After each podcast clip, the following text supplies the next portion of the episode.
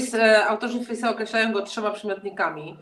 Polski, prosty i praktyczny. Czyli kiedy jesteśmy rodziną albo zespołem i znamy wzajemnie swoje style, no to możemy lepiej dzielić się obowiązkami, możemy efektywniej wykonywać działania, możemy też znaleźć przyczyny naszych niepowodzeń. Partner może być też takim człowiekiem, który będzie zacięcie walczył e, o coś bardzo ważnego, jeśli ktoś będzie właśnie łamał takie wspólne ustalenia i normy. Styl myślenia, czyli ten jeden, ten nasz główny, on się kształtuje w wieku przedszkolnym, a zatem jest jakąś sumą tego, co dzieje się w mózgu przed urodzeniem i tym, co się dzieje w pierwszych latach życia. No, nowy język jest taką nową duszą, coś takiego, nie? Że jak mhm. znasz jakiś obcy język, to nagle po prostu otwiera ci się um, otwierać się tak dużo, nie? Tak jakby znając inny język, jesteś w stanie zrozumieć kulturę tego kraju, sztukę, kulinaria, możesz podróżować. To jest jakieś niesamowite po prostu drzwi. Nauczyciele pracujący w ten sposób uczą dzieci, że nie chodzi o to, żeby tworzyć coś bez sensu, tylko że kiedy coś tworzymy, to to musi być po coś, dla kogoś, że można to sprawdzić, czy to ma sens, czy jest komuś potrzebne.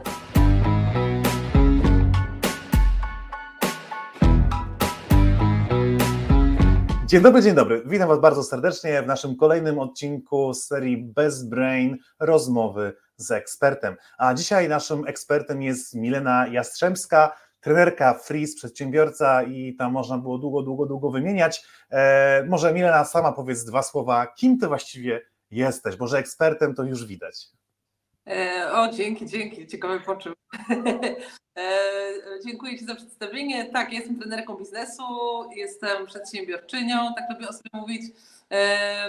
Prowadzę od zawsze biznes od 2009 roku. Najpierw prowadziłam szkołę językową, a teraz współprowadzę rodzinną firmę mm, sieć salonów optycznych. No i tak możemy powiedzieć, że pomagam innym ludziom lepiej się dogadywać, budować zespoły, jakoś wspieram liderów w ich rozwoju, w zmienianiu ich organizacji e, i robię to za pomocą narzędzia Freeze. Super. E, oprócz tego wiem, że jeszcze e, prowadzisz szkolenia z design thinking. E, I myślę, tak. że o tym też chwilę porozmawiamy, bo to może być ciekawe w kontekście edukacji dzieci, tak się zastanawiam. E, jak jesteście pierwszy raz na naszym kanale, to tylko wspomnę, że e, razem z moim e, bratem Tobiaszem i żoną Asią prowadzimy naszą szkołę Best Brain, w której uczymy i dzieci, i dorosłych, jak efektywnie wykorzystywać e, swój mózg, a na tym kanale rozmawiamy z ekspertami o tym, jak można wspomóc proces edukacji dzieci, czy swojej własnej jako osób dorosłych, e, patrząc na to z różnych perspektyw, e, znajdziecie wywiady z, z dietetykiem, z, z wokalistką zespołu muzycznego, z fizjoterapeutką i tak dalej, i tak dalej. Popróbujemy ogarnąć całościowo edukację, a nie tylko wybiórczo. E, także mam nadzieję, że dzisiejszy odcinek będzie kolejnym dowodem na to, że edukacja to nie tylko szybkość zapamiętywania, w czym też jesteśmy nieźli, ale tak naprawdę dużo, dużo, dużo, dużo, dużo więcej i to cały czas próbujemy e, przekazać, że efektywna nauka to nie techniki pamięciowe, ale to rozwój poprzez różne metody, również techniki pamięciowe, umysłu, żeby szybciej i lepiej kojarzył informacje. Mileno, powiedz mi, czym jest Freeze? Bo to powiedziałeś, że jesteś trenerką Freeza tak naprawdę ja już wiem, czym jest freeze, ale dowiedziałem się tak naprawdę dopiero od ciebie e, jakiś czas temu.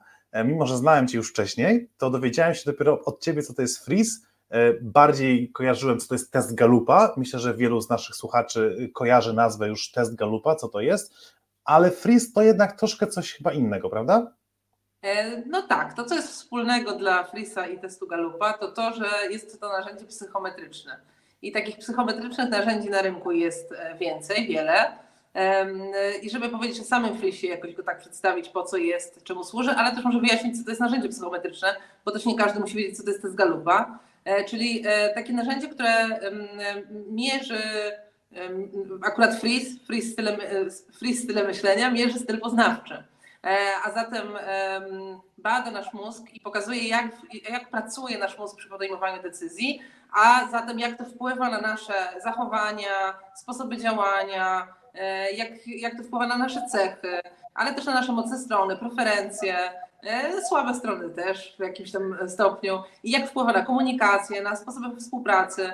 E, no i takie narzędzie mm, psychometryczne stosuje się właśnie we wspieraniu osób indywidualnych, rodzin, par, takie mam też doświadczenia, ale też zespołów, w tym, żeby właśnie mm, na bazie tych różnic i podobieństw, jakie między sobą mamy, e, budować jakąś nową jakość współpracy.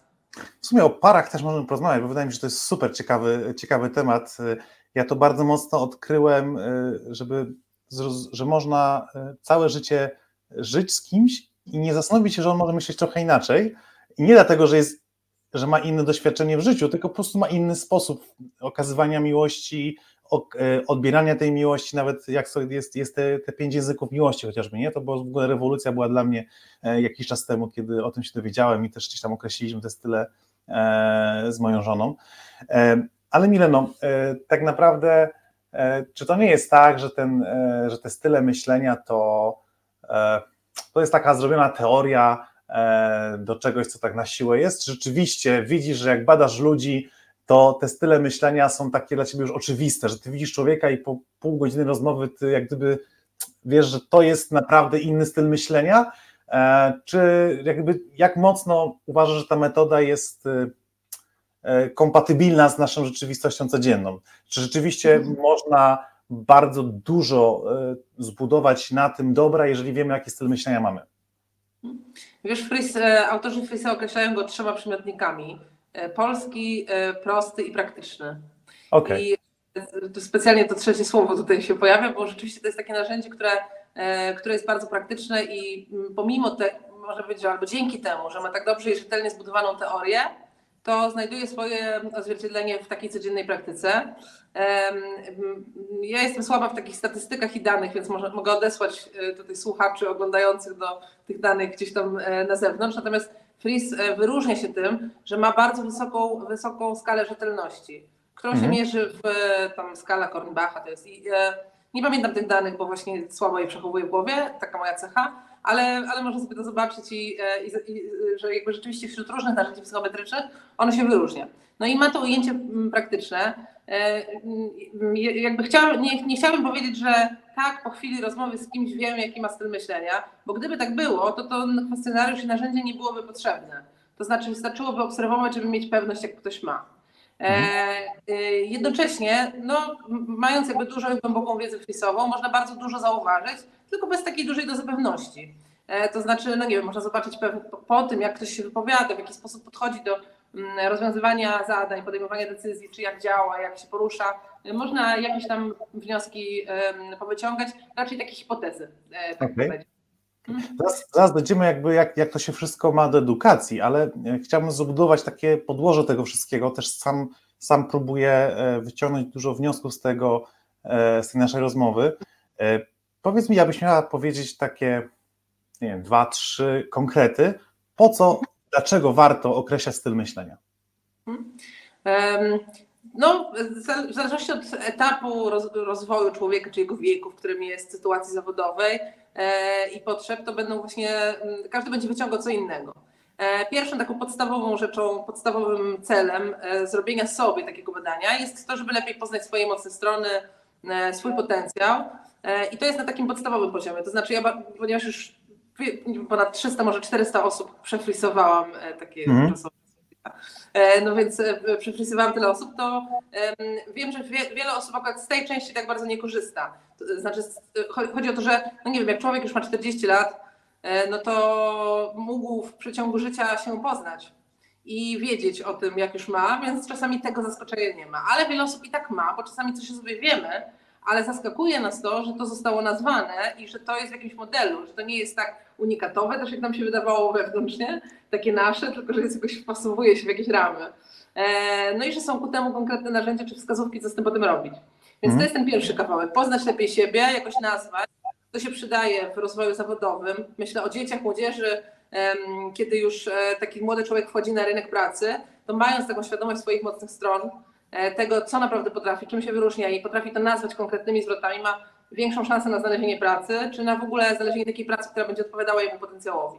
Czyli takie budowanie świadomości. E, jak powiedziałam o tym, że no nie wiem, 40-latek to już mniej więcej zna swoje mocne strony, to jak myślę o sobie, kiedy miałam 20 lat, to pewnie jakoś wiedziałam, że umiem robić różne rzeczy, ale na pewno nie potrafiłam nazwać tego tak, że dobra, tak się przedstawiam, w tym jestem najlepsza, to jest mój potencjał. A to by się przydało nie mhm. robiłabym wielu rzeczy, które robiłam wtedy, a nie miałam ku temu e, tendencji czy takiej e, predyspozycji.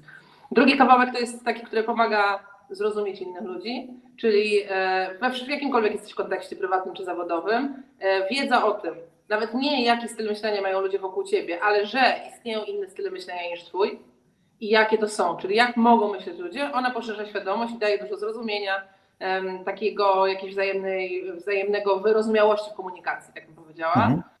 E, trzeci aspekt to jest to, co sprawia, że zespoły lepiej się budują, czyli kiedy jesteśmy rodziną albo zespołem i znamy wzajemnie swoje style, e, no to możemy lepiej dzielić się obowiązkami, możemy efektywniej wykonywać działania, możemy też znaleźć przyczyny naszych niepowodzeń. Okej, okay. Tak dobra, to teraz tak trochę zdejmijmy taką aurę tajemniczości, bo mam, hmm. mam takie poczucie, że y, gdybym nie wiedział, co to jest freeze, to bym od razu pytał się, no ale co to są te style myślenia, gdyby, co to tak naprawdę jest i jakiś przykład, że ja mam styl myślenia i co to może znaczyć? Jak, mhm. Jakbyś powiedziała jakieś takie powiedzmy trzy przykłady, że styl myślenia taki, no to jest osoba, która robi to i to, tak prosto, żeby jakby to zobrazować. No to może zamiast trzech, trzech przykładów, to jednak warto by było podać cztery perspektywy, nawet krótko i wtedy będzie taka Pewnie. sprawiedliwość czterech stylów. W tym świecie, bo, tak, bo Fritz rzeczywiście operuje czterema perspektywami poznawczymi, e, no i każdy z nas ma w sobie więcej bądź mniej każdej z nich i to, jak one się układają, będzie wpływało na nasz finalny styl e, myślenia i działania. No i te cztery perspektywy to w pierwszej kolejności F to fakty. Perspektywa faktów, osoba, która ma tego dużo, um, nazywa się we Frisie zawodnikiem. No i powiedzmy w skrócie, to tak wiadomo, że można powiedzieć w skrócie, ale to będzie taka osoba, która patrzy, patrzy na, podejmując decyzję, patrzy na obraz wycinkowo, fragmentarycznie, czyli szuka takich e, szybkich i prostych sposobów podjęcia decyzji, dąży do tego, żeby znaleźć jedno konkretne, praktyczne rozwiązanie. E, to są osoby, które są cenione za cenione, a czasem krytykowane za odwagę, bezpośredniość, odporność, wytrwałość, e, skupienie na celu, praktyczność też, taką rzeczowość, do bólu logiczne. I oni są y, określani chyba kolorem niebieskim, dobrze pamiętam? We frisie, nie, tak? nie, będzie kolor zielony. Zielony, sorry, bo niebieski to jest coś innego jeszcze. Tak, to jest zielony. Y, no, te perspektywy mogą się czasem mylić, szczególnie jak mamy w otoczeniu na osoby, które mają dwie te perspektywy w sobie. Ja zapamiętałem, że to jest żółta, bo jestem cały żółty, tak mi wyszło w tym badaniu, no. więc wiem, co jest żółta i cieszę się, że jestem żółty. Dobra, czyli mamy zielony, zielony zawodnik, fakty, konkrety, odwaga, dążenie do rozwiązania danego, danej sytuacji konkretnie, jasno i szybko. E, tak, aha. i taka szybkość w działaniu to jest w ogóle coś, co będzie charakteryzowało zawodnika. E, nie wiem, czy tutaj słuchacze zauważyli, e, że ja mówię szybko, bo właśnie jestem zawodnikiem. Znaczy, nie mówię, że każdy zawodnik mówi szybko, bądź e, ktoś, kto nie jest zawodnikiem, nie może mówić szybko, no ale akurat u mnie taka synergia zachodzi. Tak, jest przykładem zawodnika, rzeczywiście mam dużo w sobie tej perspektywy. Więc mówię głośno, dobitnie i do celu. E, staram się do celu, bo po drodze mnie tam trochę roz, rozmywa, ale zaraz do tego dojdziemy. E, jak kojarzę, jak kojarzę sobie różne wywiady, które prowadzę, naprawdę odpowiadasz konkretnie na pytanie i potrafisz postawić kropkę, co jest rzadkością. Tak, kropka, a nawet wykrzyknik. tak. To też może być zawodnicze. Dobra, drugi, druga perspektywa poznawcza to perspektywa to ry, bo to jest skrót ry i sy, tak? E, ry to relacje i osoba, która ma dużo w sobie tej perspektywy, nazywa się we frisie partnerem, e, tudzież partnerką. E, I to jest taka osoba, która przy podejmowaniu decyzji bierze pod uwagę bardzo szeroki kontekst zależności między ludźmi, wydarzeniami, sytuacjami. E, to jest taka osoba, która, żeby podjąć decyzję, musi być w środku danej sytuacji. Więc to są takie osoby, które mm, mają dość wysoko rozwiniętą empatię i patrzą na świat często oczami innych. Ja z tych znajomych partnerów, których poznałam, oni czasami mówią o tym, ja tego mam mało, więc się nauczyłam mówić o tym językiem partnerów. Oni mówią, e, żeby podjąć jakąś decyzję, to ja muszę sobie wyobrazić, jakby to było, gdybym był w butach e, czyjś, na miejscu tej osoby. I ja wtedy wiem, jak ja to czuję. To będą osoby, które mają wysoką świadomość relacji społecznych. One często są lubiane za to, że E, potrafią się dopasować, potrafią jakoś funkcjonować w grupie, e, choć jak, jakby to nie jest takie bezgraniczne. Partner może być też takim człowiekiem, który będzie zacięcie walczył e, o coś bardzo ważnego, jeśli ktoś będzie właśnie łamał takie wspólne ustalenia i normy. Okay, czyli takie serduszko czerwone. To jest czerwone serduszko, dokładnie tak. Super. Co? Fyry i... czy, czy, czy można Bartku mówić o tobie, jaki ty masz styl? Pewnie, że tak, śmiało. Tak myślałam, że tak powiesz, ale wiesz, wolałam się upewnić. No bo potem... Ja tylko zdradzę, zdradzę słuchaczom, że zanim zaprosiłyśmy Milenę naszego programu, to sami zrobiliśmy sobie całe szkolenie e, w naszej firmie i określiliśmy style, style myślenia e, różnych, różnych osób naszego zespołu e, i to niesamowicie wniosło w naszą całą współpracę, w rozwój całego Bezbraina i, i naprawdę to jest taka rzecz, w której widzę wielki sens, dlatego Milena doskonale mnie zna po tym badaniu i wie, kim jestem tak naprawdę, że jestem żółtym człowiekiem. Mhm. No znam na pewno twój styl poznawczy. Yy, staram się nie myśleć, wiesz, zawodnik to tak upraszcza, więc staram się nie myśleć w taki sposób, że już znam Ciebie w całości. Yy, na pewno są takie odsłony, których nie znam, ale no właśnie, dochodzimy do wizjonera, yy, czyli no Bartek jesteś wizjonerem, to, to jest i perspektywa idei i osoba, która ma dużo w sobie tej perspektywy, nazywa się wizjoner, jeżeli jej dominującą perspektywą jest perspektywa idei. Wizjoner bądź wizjonerka to taka osoba, która E, żeby podejmować decyzje, lubię patrzeć z lotu ptaka. E, I kiedy patrzę z lotu ptaka, to znajduję nietypowe powiązania pomiędzy różnymi elementami, które potrafią stworzyć miejsce na nowe koncepcje, e, na nowe pomysły, nowe ścieżki. No, jakby mózg wizjonera niekoniecznie pracuje tak, że musi doprowadzić do końca i do puenty. To nie jest tak bardzo ważne, bo ten kreatywny proces dla wizjonera, ten proces dochodzenia do prawdy i sensu, szukania głębszego dna jest tym, co, co jest wartościowe. Więc wyobraźmy sobie, że w naszej rozmowie może być tak, że chciałbyś nagle odpłynąć jednak od Freeza i pójść gdzieś indziej, bo będzie ciekawie, na przykład do design thinking, nie? Mhm. Oczywiście, że tak. No właśnie, to tu mamy wizjonera. Eee, I co? I mamy jeszcze perspektywę S struktury. Eee, osoba o, dominującej tej perspektywie będzie badaczem e, bądź badaczką. E, I taka osoba podejmuje decyzję w taki sposób, że e, zaczyna przede wszystkim od zbierania informacji. E, żeby podjąć decyzję, musi przeanalizować, zebrać informacje, przeanalizować je i metodycznie dojść do rozwiązania, które będzie najlepiej zbadane, czyli przemyślane, sprawdzone. To rozwiązanie często jest jakościowe. To będą takie osoby właśnie dokładne, szczegółowe, zrównoważone, racjonalne również, bo do nich emocjami to rzadziej, raczej łatwiej dojść danymi i takimi sprawdzonymi e, badaniami. Ale jeszcze nie powiedziałam o zaletach wizjonera, tak szybko przeskoczyliśmy chyba dlatego, że to... Spoko, to... wiadomo, że są zacne. No właśnie. E, będą spontaniczni, kreatywni, będą reformatorami, e, prekursorami, ciekawymi świata, ale to też są takie osoby, które lubią wkładać kij w nowisko, które nie będą no właśnie akceptowały tego zastanego status quo, więc mogą być dobrymi osobami do tego, żeby zmieniać świat. Okej, okay, zabrzmiało groźnie, wiedząc, że jestem żółty, ale, ale cieszę się, że jestem żółty. E, bo i S to jest e, struktura, czyli niebieski, prawda? Tak, żebyśmy też określili. Mamy czerwony partner, zielony zawodnik, żółty, żółty wizjoner, a e, niebieski analityk bardziej taki mhm. strukturalny.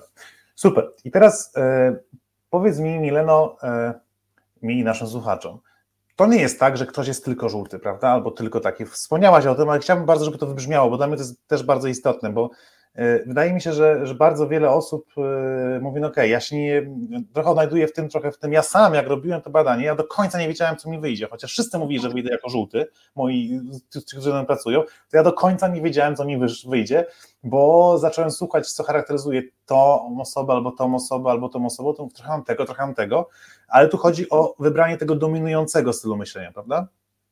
No tak, styl myślenia to jest taki nasz automat, który funkcjonuje w sytuacjach e, trudnych, w sytuacjach nowych. To jest sposób, w jaki jak będziemy na przykład w stresie, ktoś tam przykłada e, spluwę do głowy, no to właśnie nawet jakbyśmy chcieli, to mamy dostępny tylko ten nasz dominujący styl myślenia. Okej, okay. a czy możemy się nauczyć nowego, innego? E, no, e, jeszcze pomiędzy tym, żeby nauczyć się nowego, a tym, że mamy jakby styl myślenia, jest jeszcze jakby takich, e, jest to, co się składa na nasz styl działania. Czyli styl działania to jest taka unikatowa, unikatowe połączenie wszystkich perspektyw, czyli no to badanie Freeze wychodzi w takim wykresie słupków, czyli każdej perspektywy mamy określony słupek. No i teraz w zależności od tego, jak wysoko one są, to będzie nam się objawiał styl działania. I teraz styl działania już mówi trochę więcej o naszym potencjale, o tym, co my to potrafimy też robić. I ja dla przykładu jestem zawodnikiem, ale mam aktywną perspektywę idei, czyli tutaj mamy blisko do siebie w tym żółtym. I um, w związku z tym ja, no, kiedy będę miała spluwę przy, przy, przy czole, to, to będę myślała szybko i konkretnie. E, ja tu nie będę tworzyła pomysłów. Natomiast w bardziej komfortowej rzeczywistości E, jestem zdolna do tego, żeby się przełączyć na myślenie szerokie. E, mhm. I nawet to mi służy, tak? E, teraz, czy mogłabym się nauczyć tego, co mam najmniej, czyli perspektywy relacji? Tak, bardzo operacyjnie. Takie myślenie o tym, jak mają inni, No na przykład to, że zapytałam Ciebie, e, czy mogę powiedzieć innym, jaki jest Twój styl myślenia. No to jest coś, co jest u mnie wyuczone. Może się wydawać trochę nienaturalne, sztuczne i czasami nie w odpowiednim momencie, bo dla Ciebie też było oczywiste, że można, tak? No właśnie, dla mnie, i dla mnie to jest takie niesamowite, nie? że to, co teraz mówisz, bo gdybyś mnie o to nie zapytała, e, załóżmy, że jesteśmy w takiej relacji rodzinnej, nie? Tak. I rzeczywiście ktoś jest takim typowym e, zawodnikiem, E, albo jeszcze zawodnikiem z wizjonerem, tak, że jak gdyby tam relacji w ogóle nie ma w sobie e, tego stylu myślenia, no i bezpośrednio komuś coś powie przy stole, nie? Jest obiad rodzinny i mówi, nie widzi w tym nic złego. I ktoś powie, ale gbur, ale ham z niego, prawda? E, I, I nie rozumiejąc tego, że są różne style myślenia, my bardzo łatwo zaczniemy oceniać drugiego człowieka, podczas gdy on z jego perspektywy naprawdę w ogóle nawet nie czuje, że zrobił coś nie tak, że pomyślał jakiś nietakt, bo dla niego jest normalne, że powie komuś, słuchaj, weszło ci mięso między zęby, nie? I jak gdyby dla niego to jest normalne, ma konkret, chce mu przekazać informację z dobrego serca, ale nie pomyśli o tym, żeby podejść, powiedzieć mu to na ucho, bo, bo ma relację sobie. Dobrze to rozumiem, prawda? Tak, i w ogóle mam też takie doświadczenie, że jakby przeważająca większość takich konfliktów, nieporozumień między ludźmi wynika z jakiegoś płynnego interpretowania intencji wzajemnych E, i że Freeze pomaga, jest jakimś takim, jak to powiedzieć, takim e, narzędziem rozwiązującym te nieporozumienia, pokazującym, mhm. że to może być inaczej. No i wtedy troszkę można spuścić z tonu z tego irytowania się, że ktoś tak robi. To nie jest oczywiście e, na wszystko rozwiązanie i czasami, no nie wiem, no i tak może nas coś złościć, mhm. że ktoś robi w inny sposób, niż byśmy zrobili, tak? Ale samo to zrozumienie, że, że ktoś po prostu tak robi, bo tak działa jego mózg, no jest jakoś pomocne, nie?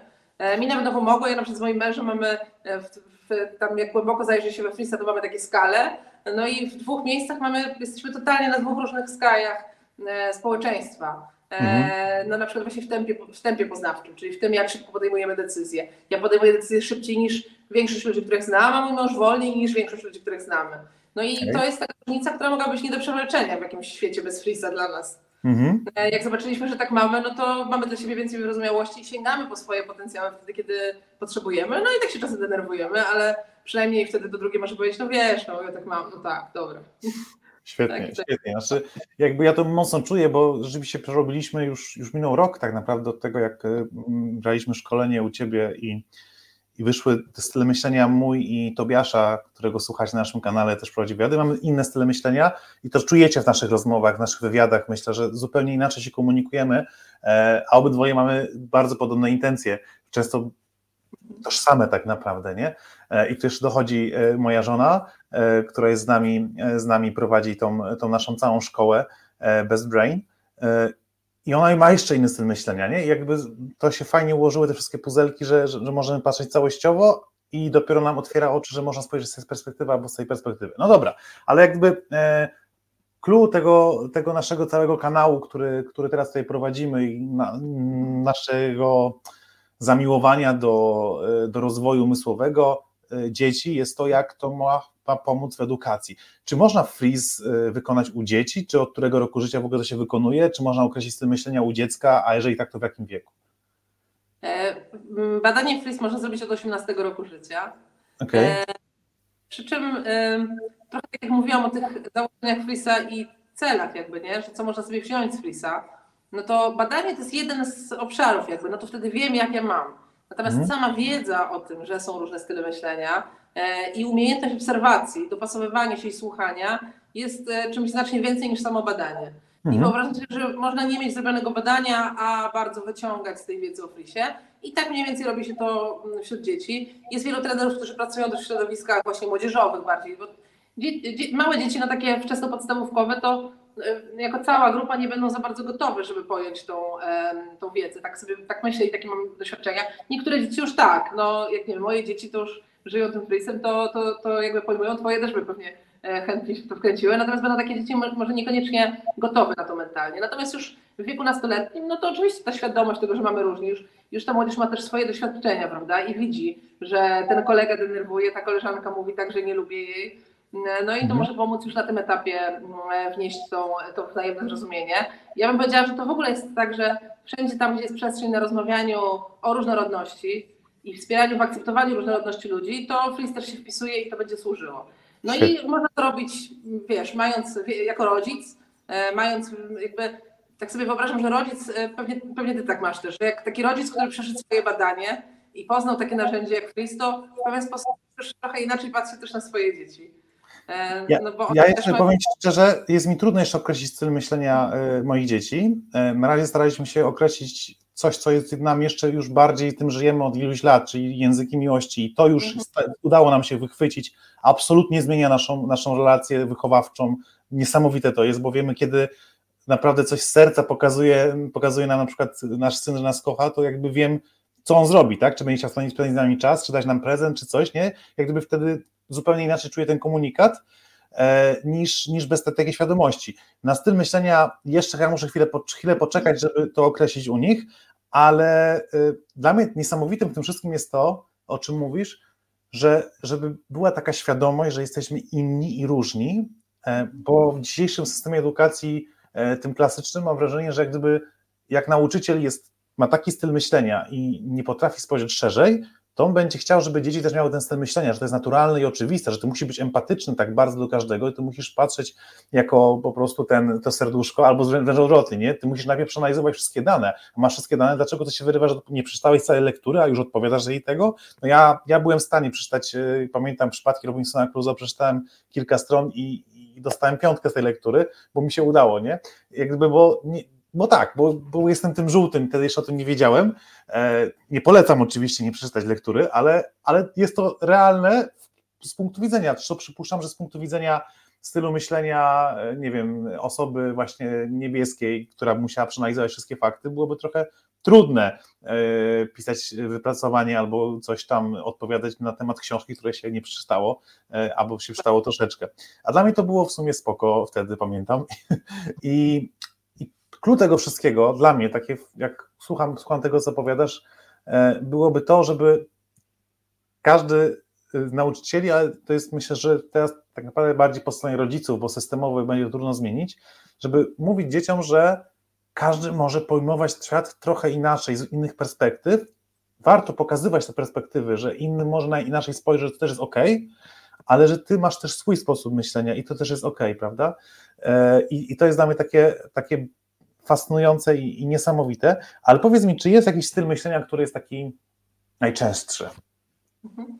E, jest, a mogę jeszcze wrócić do tego, co powiedziałeś? E, Może. Mam taką potrzebę jego do powiedzenia, że e, właśnie, że trochę przy dziećmi kluczem w tym frisie nie jest dążenie do tego, żeby określić ten styl myślenia o dzieci, bo to, to wiesz, to tak jakby do tego jest to narzędzie. Ja sama jako trener nie dążę do tego, żeby określić styl myślenia moich dzieci, choć czasem się na tym łapię, że chciałabym, tak? To, to, y, ale myślę, że ważnym jest, żeby właśnie pozostawiać takie, taką otwartość, bo to dzieci same będą musiały sobie określić, jak będą dorosłe. E, mhm. Ale że samo to wyczulenie, ta druga część, którą powiedziałaś, jest taka ważna, nie? Że samo to wyczulenie na to, że jest różnie i obserwowanie, a może to jest z tego stylu myślenia, a może to jest z tego. On mi tak powiedział, ciekawe, czy to dlatego, że ma taki styl myślenia, E, sprawia, że możemy więcej zrozumienia po prostu wprowadzić. Ale zdecydowanie nie zachęcałabym rodziców i nikogo, nauczycieli tym bardziej, do tego, żeby po tak krótkim, wiesz, takiej krótkiej próbce, na przykład, bo to jest niebezpieczne jakoś, nie? że możemy w rękach osób, które krótko zapoznają się z frisem,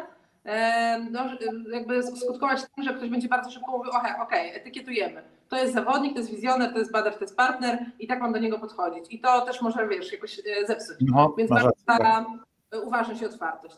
E, a zapytałeś mnie o to, czy. Czy jest dominujący jakiś styl w Polsce, że tak większość Polaków jest wizjonerami albo zawodnikami? Tak. Najmniej w Polsce jest wizjonerów. Super. A ultrawizjonerów już w ogóle najmniej. E, Super. Tak, bardzo, a, bardzo fajnie. No, jak ultrawizjoner to dla słuchaczy to jest to styl działania, czyli poza tym, pierwszy, tym stylem e, myślenia, które były cztery, mamy jeszcze 14 stylów działania. No i tam jest, są cztery style ultra, czyli takie osoby, które mają tą główną perspektywę ze stylu myślenia aktywną również w działaniu, jako jedyną. E, no i tutaj jesteś e, Bartek taką osobą, ultrawizjonerem. Z, z takich znanych osób to podróżnik Marek Kamiński też jest zbadanym ultrawizjonerem. O, super. Jeżeli, jeżeli, jeżeli Marku oglądasz nas, także to byłoby nam bardzo miło i pozdrawiam serdecznie. Ja też studiowałem geografię, więc Marek Kamiński jest zdecydowanie osobą e, bardzo pokrewną mojemu myśleniu. No tak sobie myślę, że ta geografia to takie zainteresowanie, które może wpasować się w potrzebę wizjonera. Właśnie taka ciekawość świata. No i jak, jeżeli mówisz o dominujących, to najbardziej rozpowszechnionym takim stylem działania w Polsce jest realista. Mhm. To jest takie połączenie perspektywy faktów, badacza, perspektywy faktów, czyli przepraszam, zawodnika, perspektywy struktur, czyli badacza i perspektywy relacji, czyli partnera. Rozkłada się to tak, że chyba najwięcej jest w ogóle badaczy i partnerów. To się rozkłada też na kobiety i mężczyzn inaczej. Wśród kobiet 44% to są partnerki. Wśród mężczyzn 34% to są badacze. Okej, okay. czyli jednak jest coś w tym, że jest takie myślenie, okej, okay, kobieta to ona jest bardziej empatyczna. No wiesz, tak, tak, no tak. Na pewno z natury jakby, tak? Mhm. Czyli zobacz, że to badanie, ten model w ogóle powstał najpierw na badaniach, czyli to nie jest tak, że wymyślono model, a potem dopasowano do nich rzeczywistość, tylko najpierw przebadano Polaków, więc przebadano tą rzeczywistość również jaką ona jest kulturowo mhm. i jaka była w danym momencie tworzenia tego badania, prawda? Tak sobie, tak sobie teraz jeszcze myślę o tym, że to jest fascynujące, jak bardzo różnie można motywować dzieci do nauki, w zależności od tego, jak mają styl myślenia, bo jeżeli jest dziecko, któremu się wykształca ten styl myślenia i działania właśnie na przykład wizjonerski. To ono będzie potrzebowało bardzo konkretnego, y, ale takiego dalekiego y, sensu tego wszystkiego, co robi, nie? że gdyby to jest kolejny krok tym, żeby zdobyć, ja tak sobie czuję, nie? że jakbym był teraz znowu dzieckiem, się uczył w szkole ktoś mi powiedział, że jak zrozumiem to, to, to z matematyki i to z fizyki, to ja będę mógł skonstruować rakietę i polecić ją kiedyś na kosmos, to by mnie tak nakręciło, że jejku, to jest kolejna rzecz i już niedługo mogę widzieć siebie na kosmosie, a rzeczywiście z perspektywy e, zawodnika było, słuchaj, skończysz te 10 zadań i masz dzisiaj zrobione i możesz, możesz zająć się swoim, swoim hobby, nie? co by mnie na, za bardzo nie przekonywało. Nie?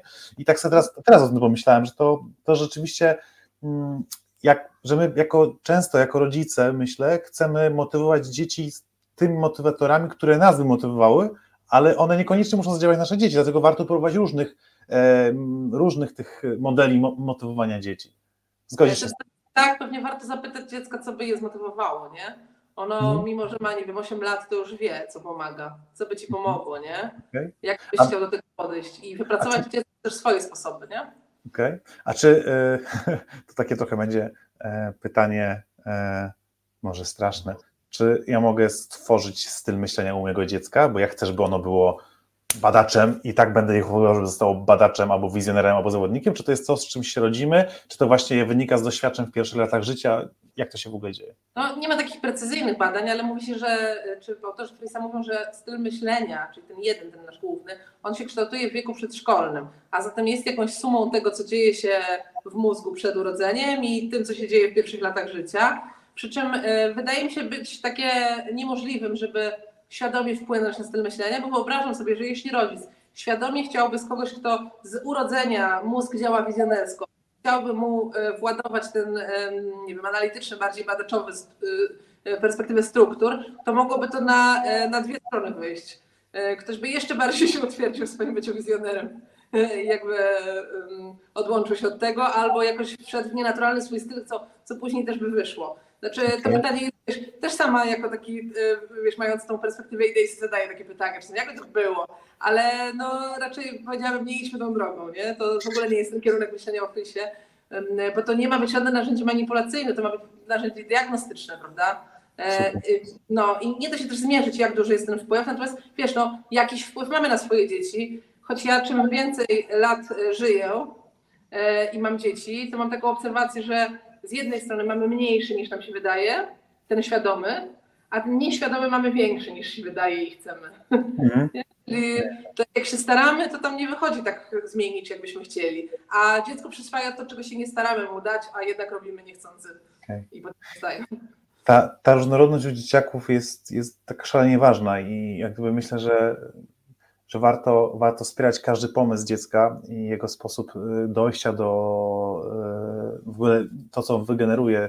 W naszych zajęciach też robimy, robimy takie ćwiczenia, gdzie dajemy dzieciom jakiś problem i prosimy, żeby zaczęli generować pomysły, jak go rozwiązać. Nie? I rzeczywiście to jest, to jest jedno z w ogóle z ukochanych ćwiczeń y, dzieciaków na, na zajęciach w Best Brain naszych, które prowadzimy teraz on, dla, dla dzieciaków w wieku tak naprawdę od, od od 5 roku życia do, do, do 19. E, oczywiście te ćwiczenia są różne w zależności od grupy wiekowej, ale właśnie jest coś w tym takim daniu swobody dziecku w myśleniu, coś genialnego, że one rozczują, że ktoś mi narzuca, że one muszą pomyśleć w ten sposób, bo inaczej będą ukarane, że one myślą nie tak, jak, jak przewidział podręcznik albo jak przewidział pan nauczyciel e, w szkole. I to jest dla mnie zawsze fascynowało mnie od pierwszych zajęć. Pamiętam moje pierwsze zajęcia Best Brain, które poprowadziłem uff, bardzo dużo lat temu. E, jedne z pierwszych zajęć i pamiętam, że uczyłem dzieci e, robić mapy myśli i był chłopiec Wtedy on był chyba w drugiej klasie, teraz pewnie już kończy liceum.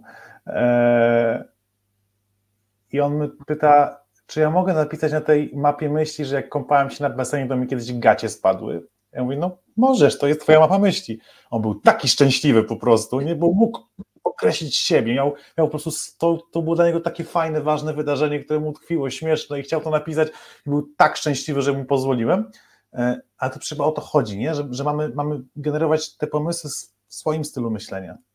Tak, no wiesz, myślę, że te rzeczy, o których powiedziałeś, że są ważne i one są ważne dla ciebie, one też jakoś prezentują to, co jest ważne dla twojego stylu myślenia, nie? Czyli ta, to, że nie muszę się dopasowywać do tych ram, to, że mogę właśnie kreować swoją naukę i swoją mapę myśli po swojemu, więc a, oraz też, że, roz, że mogę generować pomysły na rozwiązywanie problemu, E, to będzie właściwe właśnie osobom z żółtą perspektywą, co mm, mm, jakby, to nie znaczy, że to jest złe dla wszystkich dzieci, znaczy w sensie dla innych dzieci, a dla tych dobre, tylko że dzieci, które będą bardziej właśnie miały więcej tej perspektywy żółtej, idei perspektywy, będą bardziej chłonne na ten sposób pracy. Ale mhm. dzięki temu, że ty jako trener pracujesz z dziećmi o innych stylach myślenia w taki sposób, to oni będą uzupełniali te kompetencje, które nie przychodzą mi naturalnie.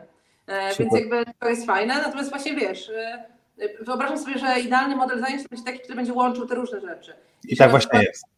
Tak, że, że, dzieciaki będą też, to tak jak z ekstrawertyzmem i introwertyzmem, którego nie mierzy Fries akurat, ale mhm. no, jako, przez lata pracowałam jako lektor i prowadziłam zajęcia z dziećmi, jako osoba taka ekstrawertyczna, ale też lubiąca, żeby się dużo działo i żeby była taka sprawcza, żeby robić, nie? E, mhm. Właśnie jako zawodnik, no to takie zajęcia i potem po kilku latach jakoś doszłam do tego, że okej, okay, ale jest taka duża część dzieciaków, która potrzebuje najpierw przetrawić, e, najpierw popracować w ciszy, żeby potem być gotowy w ogóle się dzielić e, jakąś wiedzą. I na przykład, wiesz, na lekcjach językowych prowadzenie dyskusji, myślę, że to jest dobra wskazówka dla nauczycieli, którą mogą już wziąć, że, że jakby nauczyciele w pewien sposób promują osoby, które dyskutują, no bo no, ktoś się zgłasza i dyskutuje, tak? No to, mhm. to jest promowane. A E, rzadko praktykuje się jakieś takie silent discussions, czyli wiesz, e, dyskusje takie pisane na przykład dla introwertyków, albo takie techniki wszystkie typu jak think per share, czyli najpierw robisz samemu, potem w parze, a potem na forum. To mhm. będzie wspierało takie osoby, które są bardziej, e, zobacz, zobacz mówi się etykietująco nieśmiałe, a to wcale mhm. mogą nie być nieśmiałe osoby. To są osoby o innym tempie poznawczym, bardziej, więcej perspektywy struktur mhm. mają sobie, albo więcej perspektywy relacji E, które z różnych powodów mogą nie mieć potrzeby wypowiadania się tak od razu. I myślę, że ta świadomość zmieniłaby trochę system, mhm. E, bo nasz system edukacji ewidentnie wspiera mm, zawodników i badaczy. E, mhm. Najlepiej jak ktoś ma te dwie rzeczy, czyli jest bardzo dokładny, analityczny, rzeczowy i się szybko zgłasza i szybko robi. Super. Może dlatego mamy teraz najwięcej w Polsce tych, tych dwóch stylów myślenia. E, ale tak, tak, tak, tak. Ja w ogóle uważam, że ta różnorodność, jakby we wszystkich naszych działaniach, ta różnorodność jest, jest kluczem, nie? Jak, jak myślę o rozwoju umysłowym, e, na przykład w naszym projekcie e, BrainFit, czyli zajęć dla pracowników w firmach, takich szybkich 25-minutowych sesji, które mają rozgrzewać mózg, pobudzać, pobudzać kreatywne myślenie, budować odporność na stres i tak dalej, to tam jednym z kluczowych elementów jest to, żeby to było bardzo różnorodne, żeby atakować mózg z różnych stron, nie? tu wzrokowo, tu słuchowo, tu kreatywnie, tu właśnie bardziej analitycznie i tak dalej i, i to wtedy jako całość, że każdy ma właśnie w tym, co jest dobry, super będzie miał taki zachwyt, udało mi się, a w tym, co co nie jest jego stroną myślenia, będzie mógł trenować, żeby nadrabiać te, te braki, braki które, które też są potrzebne w naszym życiu codziennym, bo jesteśmy e, w społeczeństwie, tak? Cały czas e, działamy w społeczeństwie. Także to wszystko mi się tak fajnie, fajnie spina, e, spina w całości. Ale chciałbym wrócić, zanim przejdziemy jeszcze do design thinking, o którym, o którym bardzo chcę też porozmawiać chwilę z Tobą, do badania tego w parach. Często Ci się zdarza badać pary frisowo, jak gdyby możesz powiedzieć, jak to wpływa w ogóle na, na, na, tych ludzi, kiedy dowiadują się, że mają inne style myślenia, albo może właśnie masz takie doświadczenie, że większość pary ma jednak takie same style myślenia, albo właśnie odwrotnie. No tak, na starcie powiem, że nie jestem, nie specjalizuję się w coachingu czy terapii, takich działaniach wokół par. Bardziej interesują mnie zespoły, więc ja jakby tak zawodowo nie, wiesz, nie dla znajomych, to nie, nie podejmuję par, w ogóle nie próbuję takich, takich działań. No ale w każdym roku mam jakąś taką parę znajomych, którym, którzy się do mnie zgłaszają albo im proponuję jakieś takie wsparcie, tylko no to ja tutaj uważam, bo tutaj nie chodzi o to, żeby jakoś wchodzić na tak mm, w sensie, jeżeli mam parę przyjaciół, no to nie chcę wchodzić głęboko w ich związek, bo jesteśmy w roli przyjacielskiej, więc nasza sesja polega na tym, że rzeczywiście omawiamy te wyniki po prostu, mhm. tak? Jakoś się staram pokazać ludziom, jakie mają różnice, oni dalej, jak chcą coś z tym zrobić, to idą do innego trenera albo terapeuty, albo zostają w domu i nad tym pracują i sobie czytają. E, więc i teraz, no, więc tych par myślę, że no nie wiem, no 25 może zrobiłam tak pi razy drzwi licząc. E, I większość par, które spotkałam, no różniło się znacznie. E, mhm. Więc e, wiesz, to jest takie empiryczne doświadczenie, nie wiem jakie są badania, ale empirycznie no to większość par się różniła i miałam tylko jedną parę, która była prawie dokładnie taka sama. Dwóch, dwóch dyplomatów, czyli połączenie perspektywy struktur z perspektywą relacji, tylko tak, że ona była partnerem dyplomat, ona była partnerką dyplomatką, a on był badaczem dyplomatą. No i taka para bardzo jednorodna, w której było bardzo dużo zrozumienia, takiego wyrozumiałości dla siebie, jakiegoś takiego kompromisu.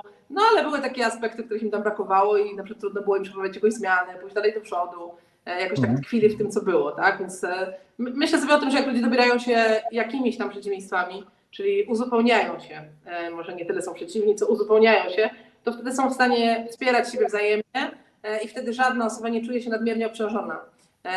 Więc wtedy oczywiście jest no, takie pole do przezwyciężania tych różnic komunikacyjnych, no bo jak się bardzo różnimy, to inaczej patrzymy na świat. No ale jak przychodzi nam flis z pomocą, więc jak zobaczymy, że aha, to jest dlatego, to jest tak i jest na to sposób, no to potem możemy widzieć ten potencjał idący za tym, że się różnimy. Ja na przykład jestem codziennie wdzięczna mojemu mężowi, się różni ode mnie. Tak, mój zawsze mówi, że małżeństwo jest jednością przeciwieństw e, i, i jakby pamiętam to jako młody chłopak, co słyszałem i w sumie już jako jako mąż e, z, z, z już z miarę konkretnym doświadczeniem lat małżeństwa, też czuję, że taka jest prawda i to jest piękne, tylko trzeba to zrozumieć. Trzeba to zrozumieć i e, próbować patrzeć z perspektywy, wchodzić trochę w buty tego, tego właśnie partnera i patrzeć partnera w sensie stylu myślenia frisowego, nie? I, I, patrzeć z perspektywy drugiej osoby i wtedy jak gdyby to, to w ogóle ubogaca niesamowicie, bo pokazuje, że ten świat nie jest taki czarno-biały, nie? tylko że ten świat ma milion od, od, odcieni szarości, e, tak. które tworzą piękną kompozycję i to jest, to jest fantastyczne. Weź, zobacz, jak jest takie powiedzenie, pamiętam, że jak zakładałam swoją szkołę w 2009, to mieliśmy takie hasło, to tak na krótko, bo potem tam miałam dużo zmian oczywiście, ale e, że właśnie tam no, nowy język jest taką nową duszą, coś takiego, nie? Że jak mhm. znasz jakiś obcy język, to nagle po prostu otwiera ci się um, otwiera ci się tak dużo, nie? To jakby znając inny język, jesteś w stanie zrozumieć kulturę tego kraju, sztukę, kulinaria, możesz podróżować. To jest jakieś niesamowite po prostu drzwi. I, I w sumie tak samo jest z Frisem. No jak poznajesz, że istnieje jakiś inny język w ogóle rozumowania i go, i go znasz, to jest piękne, nie? Piękne, no. piękne. E, to jest piękne i, i w ogóle piękne jest takie roz, w ogóle rozwijanie się i, i patrzenie też, uczenie tej wrażliwości dzieci, że, że mogą, e, mogą pomyśleć, e, mogą być partnerami, którzy patrzą empatycznie bardzo, a może właśnie trzeba zobaczyć, że brakuje im tej empatii i warto to uzupełniać, w sensie pomagać im, że jednak dobrze powiedzieć dzień dobry, dziękuję, do widzenia i, i nie powiedzieć szpej pani, że śmierdzi, tylko że po prostu te perfumy mi się nie podobają i to może im się przydać w przyszłości, ale też też tak y, nie naciskać z całej siły, że jak ty mogłeś, nie, jak ty możesz po prostu być tak niemiły i tak konkretny, mówiąc, rozmawiając z, z nauczycielem, nie? A dziecko mówi, jak mam nie być konkretny, nie? No bo jestem, nie wiem, zawodnikiem na przykład, tak jakby to mi też niesamowicie y, otwiera taką perspektywę myślenia, nie? Że, że naprawdę to, co się przyjęło za taką e, normę społeczną, to jest bardzo ważne i nie chcę tutaj być takim anarchistą, chociaż jestem żółty, chociaż, jestem żółty, i uważam, że te normy społeczne są super ważne i jak gdyby proszę, dziękuję, przepraszam, dzień dobry, do widzenia, wspaniale, ale czasem można zrobić krok wstecz i pomyśleć, ok, może rzeczywiście z perspektywy dziecka dzisiaj powiedzenie tego dzień dobry nie było e, tak istotne jak inny proces myślowy, który miał w tym momencie w głowie i można o tym porozmawiać potem, ale nie trzeba mówić, kurczę, znowu nie powiedziałeś, jesteś niewychowany, jak to możesz tak robić, nie? I tak tak moje szybkie przemyślenia e, na, na żywo teraz tutaj, podczas kiedy to nagrywamy. Ja tak Powiedz mi, no. Jeszcze wiesz, że y, mówiliśmy właśnie o tym, że jak to jest w parach, nie? czy pary się różnią między sobą, ale taki duży potencjał do pracy, czy do jakiegoś obserwowania widzę w tej dynamice, która dzieje się między dzieckiem a rodzicem, bez względu na to, jaki ten styl ma dziecko. Chodzi mi o to, że można by powiedzieć, że tak, nie ma żadnego, żadnych badań, czy style są dziedziczne, czy nie są, tak? Więc jakby możesz mieć dziecko, które ma taki sam jak ty, zupełnie inny jak ty, częściowo taki sam, częściowo inny i że to jest tak, że no, tak, jak in, tak jak inna obca osoba powiedzmy, no nie? Że, że, nagle masz to dziecko, które no prawdopodobnie nie ma takiego stylu jak ty, więc musisz tutaj przełamywać jakieś komunikacyjne różnice, ale jeśli ma dokładnie taki sam jak ty, to mierzy się z tym samym w życiu co ty.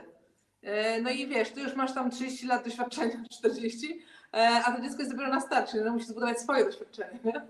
E, Super. Więc no, to też bardzo zależy po prostu kto z kim, ale też Freeze po badaniu daje takie wskazówki konkretne, jak dany styl może komunikować się z drugim stylem, to też warto... Okej, okay. zanim jeszcze przejdę do, do design thinking, myślę o tym, e, mam taką nadzieję, e, że ja bym był teraz rodzicem, który słucha naszego, naszej rozmowy, to bym pomyślał, kurczę, no dlaczego od 18 roku życia? Ja bym chciał wiedzieć, jak mogę pomóc mojemu dziecku, jaki ma styl myślenia. Jaką by wskazówkę dała rodzicom? Jakby, y, czy mogą sięgnąć po jakąś nie wiem, książkę o frisie, gdzie poczytają o tych stylach myślenia, żeby trochę zobaczyć perspektywę, czy to byłoby bardziej, czy to jednak nie jest najlepszy pomysł, bo potem się pomylą i będą coś źle robili, nie wiem, jakby, co byś powiedziała takiemu rodzicowi, który naprawdę, bo mamy takich tutaj rodziców, którzy nas słuchają, którzy są zaangażowani w proces edukacji swojego dziecka i rozwój dziecka, które chcieliby pomóc z tego odcinka wyciągnąć coś, ale co, od czego mają zacząć? No, od siebie. Czyli jeśli sami nie, nie przechodzili jeszcze badania FRIS dla siebie, e, no to warto, żeby zaczęli od tego, e, mhm. bo akurat w tym obszarze to nie skupianie się na tym, żeby rozwijać to dziecko, bo to jest taki proces do dziecka, w sensie zmieniajmy je, coś tam róbmy. E, myślę, że z FRISem jest tak, że to jest proces o rodzicu, czyli większa świadomość, spokój, akceptacja, to będzie to, co zaowocuje rozwojem dziecka. E, więc mhm. do tego bym skierowała, ale wiadomo, że tak badanie no to może jeszcze nie być gotowe, mieć potrzeb i tak dalej. Zachęcam na stronie freeze.pl jest do pobrania taki e-book, który nazywa się e, Ludzie z czterech planet i on opisuje cztery style myślenia, jest dosyć szeroki i to jest taka najszersza publikacja o Freeze, która jest dostępna, e, bo nie ma jeszcze książki o Freeze, nie wiem czy autorzy planują, na razie nie słyszałam o takich planach, żeby pisać książkę o Freeze. Freeze jest jednak takim też narzędziem, w którym um, autorzy postawili na dużą taką rzetelność i ludzkość tego narzędzia. To znaczy, to nie chodzi o to, żeby spisać całą tą wiedzę w książkę i dać ją ludziom, tylko żeby posługiwać się świadomymi, dojrzałymi, pracującymi, superwizującymi się tenerami, e, którzy nie zrobią z tego takiej wydmuszki narzędzia. Tylko sprawią, że ludzie naprawdę zrozumieją, czym to jest, a nie będą tego upraszczać, etykietować i psuć. No. Super, super, super. Milan, rozumiem, że do, do Ciebie też mogą się zgłaszać. Oczywiście, tak, ja zapraszam. To podlinkujemy, tak. słuchajcie, pod, pod nagraniem będziecie mieli link do, e, do kontaktu z, z Mileną i, i możecie zadawać e, pytania, jak, jak, jak dalej zrobić, e, żeby, żeby określić swój styl myślenia. Dobrze, ale ten design thinking, powiesz, powiesz nam troszkę, troszkę, co to jest. E, design thinking no to myślenie projektowe po polsku, nie? Mhm. E, czyli to jest takie, takie czy, czy, da się powiedzieć narzędzie, no to jest właśnie sposób myślenia. E, design thinking to sposób myślenia, a ja jestem moderatorem tej metody, czyli prowadzę szkolenia z używania tej metody, ale też faktycznie w moim biznesie, w mojej firmie Orlisty Salon Optyczne, prowadzę procesy metodą design thinking, czyli my tworzymy różne usługi korzystając z tej metody. E, to jest metoda, która powstała już dawno w Stanach, na Uniwersytecie w Stanford. E, tak myślę, że tam powstała, nawet tam ma jakąś swoją taką siedzibę. Ja jestem słaba w tym, wiesz, mhm. Konkretnych szczegółach. Tam się lepiej przygotować z teorii i wiedzy. Okej, ja nie jestem niebieski, mi jest, nie jest to potrzebne. Tak. Ja przepraszam wszystkich słuchaczy, którzy potrzebują tych konkretnych danych. Ja bardziej jestem od tego, żeby ideę przekazać, takiej esencję. E, to jest taki, taki sposób pracy, który pobudza kreatywność, ale też pobudza e, myślenie o odbiorcy danej usługi i danego projektu. E, jakby to przełożyć na może dzieci, edukację, to wyobrażam sobie, że nauczyciele, są też nauczyciele, którzy pracują tą metodą, nauczyciele pracujący w ten sposób uczą dzieci, że nie chodzi o to, żeby tworzyć coś bez sensu, tylko że kiedy coś tworzymy, to to musi być po coś, dla kogoś, że można to sprawdzić, czy to ma sens, czy jest komuś potrzebne. E, I to jest taka metoda, która też pozwala jakby usprawnić pracę zespołową, uczy ludzi, że nie ma efektu jednym człowiekiem, że nie ma, że mój pomysł to jest ten najlepszy. E, nawet, e, nawet wizjonerzy nie mają tych jedynych najlepszych pomysłów, tylko że ta praca na końcu to jest ta synergia całego, pracy całego zespołu. I dlatego lubię te dwie metody, bo one mi się bardzo łączą. No mhm. i pozwalają jakby wiesz, dzięki metodzie design thinking i wiedzy o tym, jak ludzie mają frisowo, no wynieść daną pracę zespołu na wyższy poziom. Okej, okay, bo to design thinking mi się bardzo kojarzy z biznesem, jakby z takim działaniem właśnie projektowym, że, że, że można to fajnie wprowadzać do zespołów i tak dalej, e,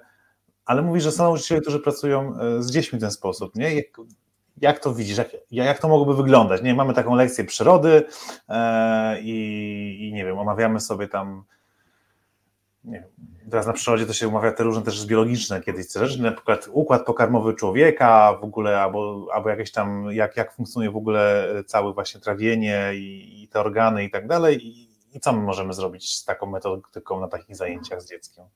No to w ogóle y, właśnie zacząłeś od tego, że to się kojarzy z biznesem, to też ciekawe, bo jak się rozmawia o design thinking w biznesie, to ludziom się w biznesie kojarzy, a to taka metoda, to kolorowe karteczki, rysowanie, to taka dla dzieci.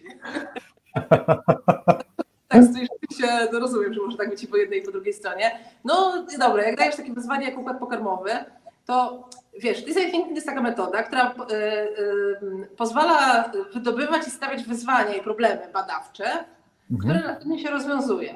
Więc wyobrażam sobie, i to na bieżąco szyję, ale wyobrażam sobie taki, taki projekt, y, no właśnie, układ pokarmowy, ludzie, dzieciaki, nie wiem, tam mają 12 lat, no i co by tu zrobić, nie? No zróbmy jakiś projekt. No i w tradycyjnym podejściu, no to, no to o czym możemy zrobić? No to zróbmy taki, taki projekt, na pewno to będzie potrzebne. I robią, a potem idzie to do szafy. No i teraz, mhm. gdyby podejść do tego design thinking, metodą design thinking, to, to się rozkłada na pięć etapów. I pierwszym etapem nie jest zakładanie, że my już wiemy, co będziemy robić, tylko to jest proces empatyzacji. E, czyli taki proces, w którym słuchamy ludzi. No i wyobrażam sobie, że, że młodzież, dzieciaki mogą zrobić wywiady z ludźmi na temat ich e, funkcjonowania układu pokarmowego. E, jakie mają wyzwania, jakie są problemy, no nie wiem, tak? E, jakie mają doświadczenia, jakie, no wiesz, takie różne rzeczy. Mogą przygotować jakieś pytania, w którym robią wywiad.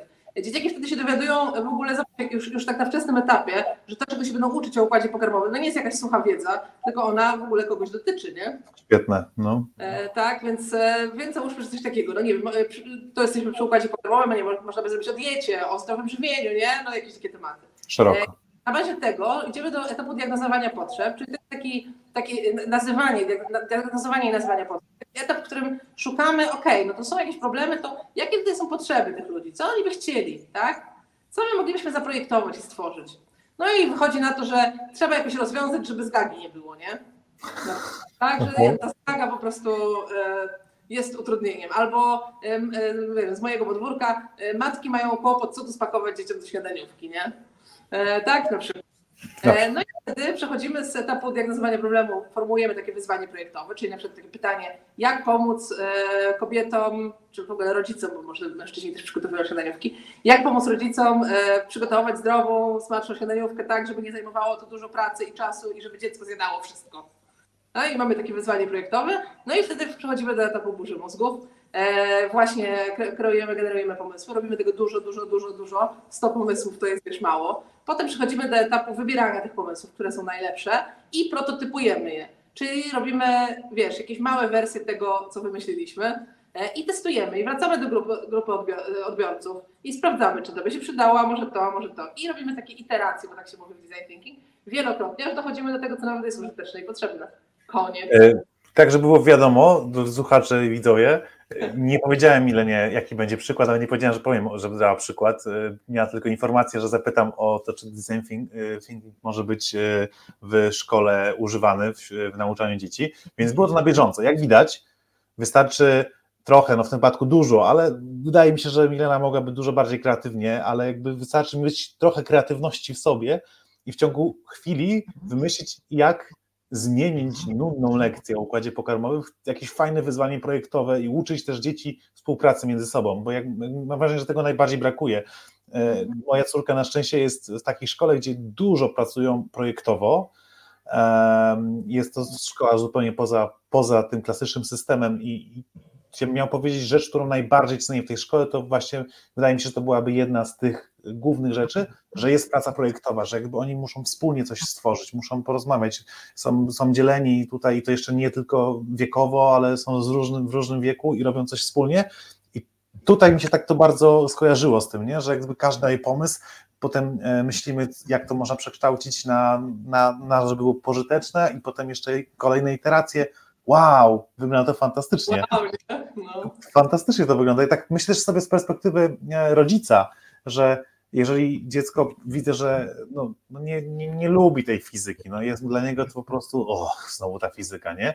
To można to bardzo fajnie przekształcić fajne wyzwanie, nie? Że słuchaj, pomyślmy, jakbyś mógł wykorzystać tą wiedzę w praktyczny sposób, jakie zapotrzebowanie i nagle rozmowa o tym staje się pożyteczna. Jak ja sobie myślę, ile pytań dostaję od moich dzieci odnośnie, nie wiem, kosmosu, gwiazd, a potem nagle mnie zapytają, e, jaki jest rekord Guinnessa w, nie wiem, naj, w naj najdłuższym zwierzęciu świata albo cokolwiek. Jest tego tak dużo tych pytań, e, że, że jakby no, bez pomocy internetu teraz było mi trudno odpowiedzieć na wiele, na wiele tych pytań, ale oni mają tą ciekawość, więc dlaczego tej ciekawości nie przenieść na grunt trochę starszych dzieci i powiedzieć, słuchaj, ja byś wykorzystał e, to, to, to nie wiem, twierdzenie e, albo równanie Newtona na, na życie twoje, twoje dzisiaj, nie? Jakby jak to może wpłynąć, albo może już wpływa, nie? I jakby tak sobie myślę, że w ogóle odwrócenie, odwrócenie myślenia. E, jejku, dużo, dużo, dużo dobrego dzisiaj Milena od Ciebie usłyszałem e, i mam nadzieję, mam, nadzieję, że, że dla Was też było to naprawdę odkrywcze, e, że, że można, można, pody, można w ogóle zrozumieć, że każdy ma inny styl myślenia i to jest normalne i to jest ok. I, i można pomóc dziecku odkrywać w sobie, e, w sobie tak naprawdę swój styl myślenia i uwrażliwić je na to, że inni mają różne style myślenia i można wykorzystać to do, do, różnego motywowania dziecka do pracy i można jeszcze przekształcać nudne zadania w coś użytecznego, takiego praktycznego poprzez, e, poprzez design thinking. Ja jak mam taki pomysł jeszcze, jakbyście skomentowali ten odcinek, jak myślicie, jaki styl myślenia macie? Pamiętajcie, nie? Jest zawodnik, jest wizjoner, jest, y, jest y, perspektywa, znaczy jest, jest styl myślenia partnera, czyli to serduszko i badacz, czyli te dane i fakty. Możesz napisać, po prostu nawet jedno słowo skomentować e, i, i sobie przetestujemy, kogo, kto nas słucha i kto nas ogląda, kim, kim jesteście. Oczywiście możecie strzelać, bo możecie nie wiedzieć i to jest też ok, e, ale, ale jestem też ciekaw, e, ile będzie komentarzy, jakim kolorze i, i rzeczywiście, czy tych, czy tych zielonych i niebieskich wyjdzie najwięcej, jak to statystyka w Polsce w Polsce mówi. Mhm. Milano, powiedz mi jeszcze, na koniec mamy takie zaskoczenie, charakterystyczne pytanie dla naszego E, programu. Nie, nie wiedziałam. No. E, jedna rzecz. Masz, masz taką władzę, że możesz rzeczywiście wejść do ministerstwa i zmienić jeden zapis e, odnośnie szkolnictwa w Polsce. Co byś to było? Oceny, brak ocen. A dlaczego? No tam, gdzie pojawiają się oceny, to już nie można mówić o motywacji wewnętrznej. To już jest jakby z gruntu tak wiele rzeczy zepsutych, że potem trudno wiesz, można wprowadzać myślenie projektowe, Frisa e, i wszystkie inne rzeczy, ale kiedy tam za tym wszystkim kryje się to, że to się sprowadza do oceniania, e, a nie do informacji zwrotnej, nie do rozmawiania, nie do pokazywania, co mogę poprawiać, tylko do numerycznej oceny, jest po prostu, no, dla mnie, dla mnie jest bardzo przykre i sama w pewnym takiej obawie też czekam na to, jak to będzie, bo w szkole, gdzie jest mój starszy syn, od czwartej klasy pojawiają się oceny. Zobaczymy, co z tego wyniknie. Już wiem dzisiaj, tak sobie dużo o tym rozmawiamy, że, e, że to, co możemy zrobić, to w ogóle nie poruszać tego tematu w domu, póki co. Tak? Że to jest nie za wyjście. Nie ja, chcemy że... oceny, ale one nie mogą być dla nas istotne, nie? To, co powiedziałem, że dlaczego to było tylko pytanie po to, żebyś się wypowiedziała, bo ja jestem całym sercem za tym. Uważam, że gdyby oceny to jest coś totalnie niższe, ale przerażony jestem e, tym, że bardzo wielu rodziców, bardzo świadomych, w gruncie rzeczy chodzi im o to, żeby dzieci miały dobre oceny w szkole.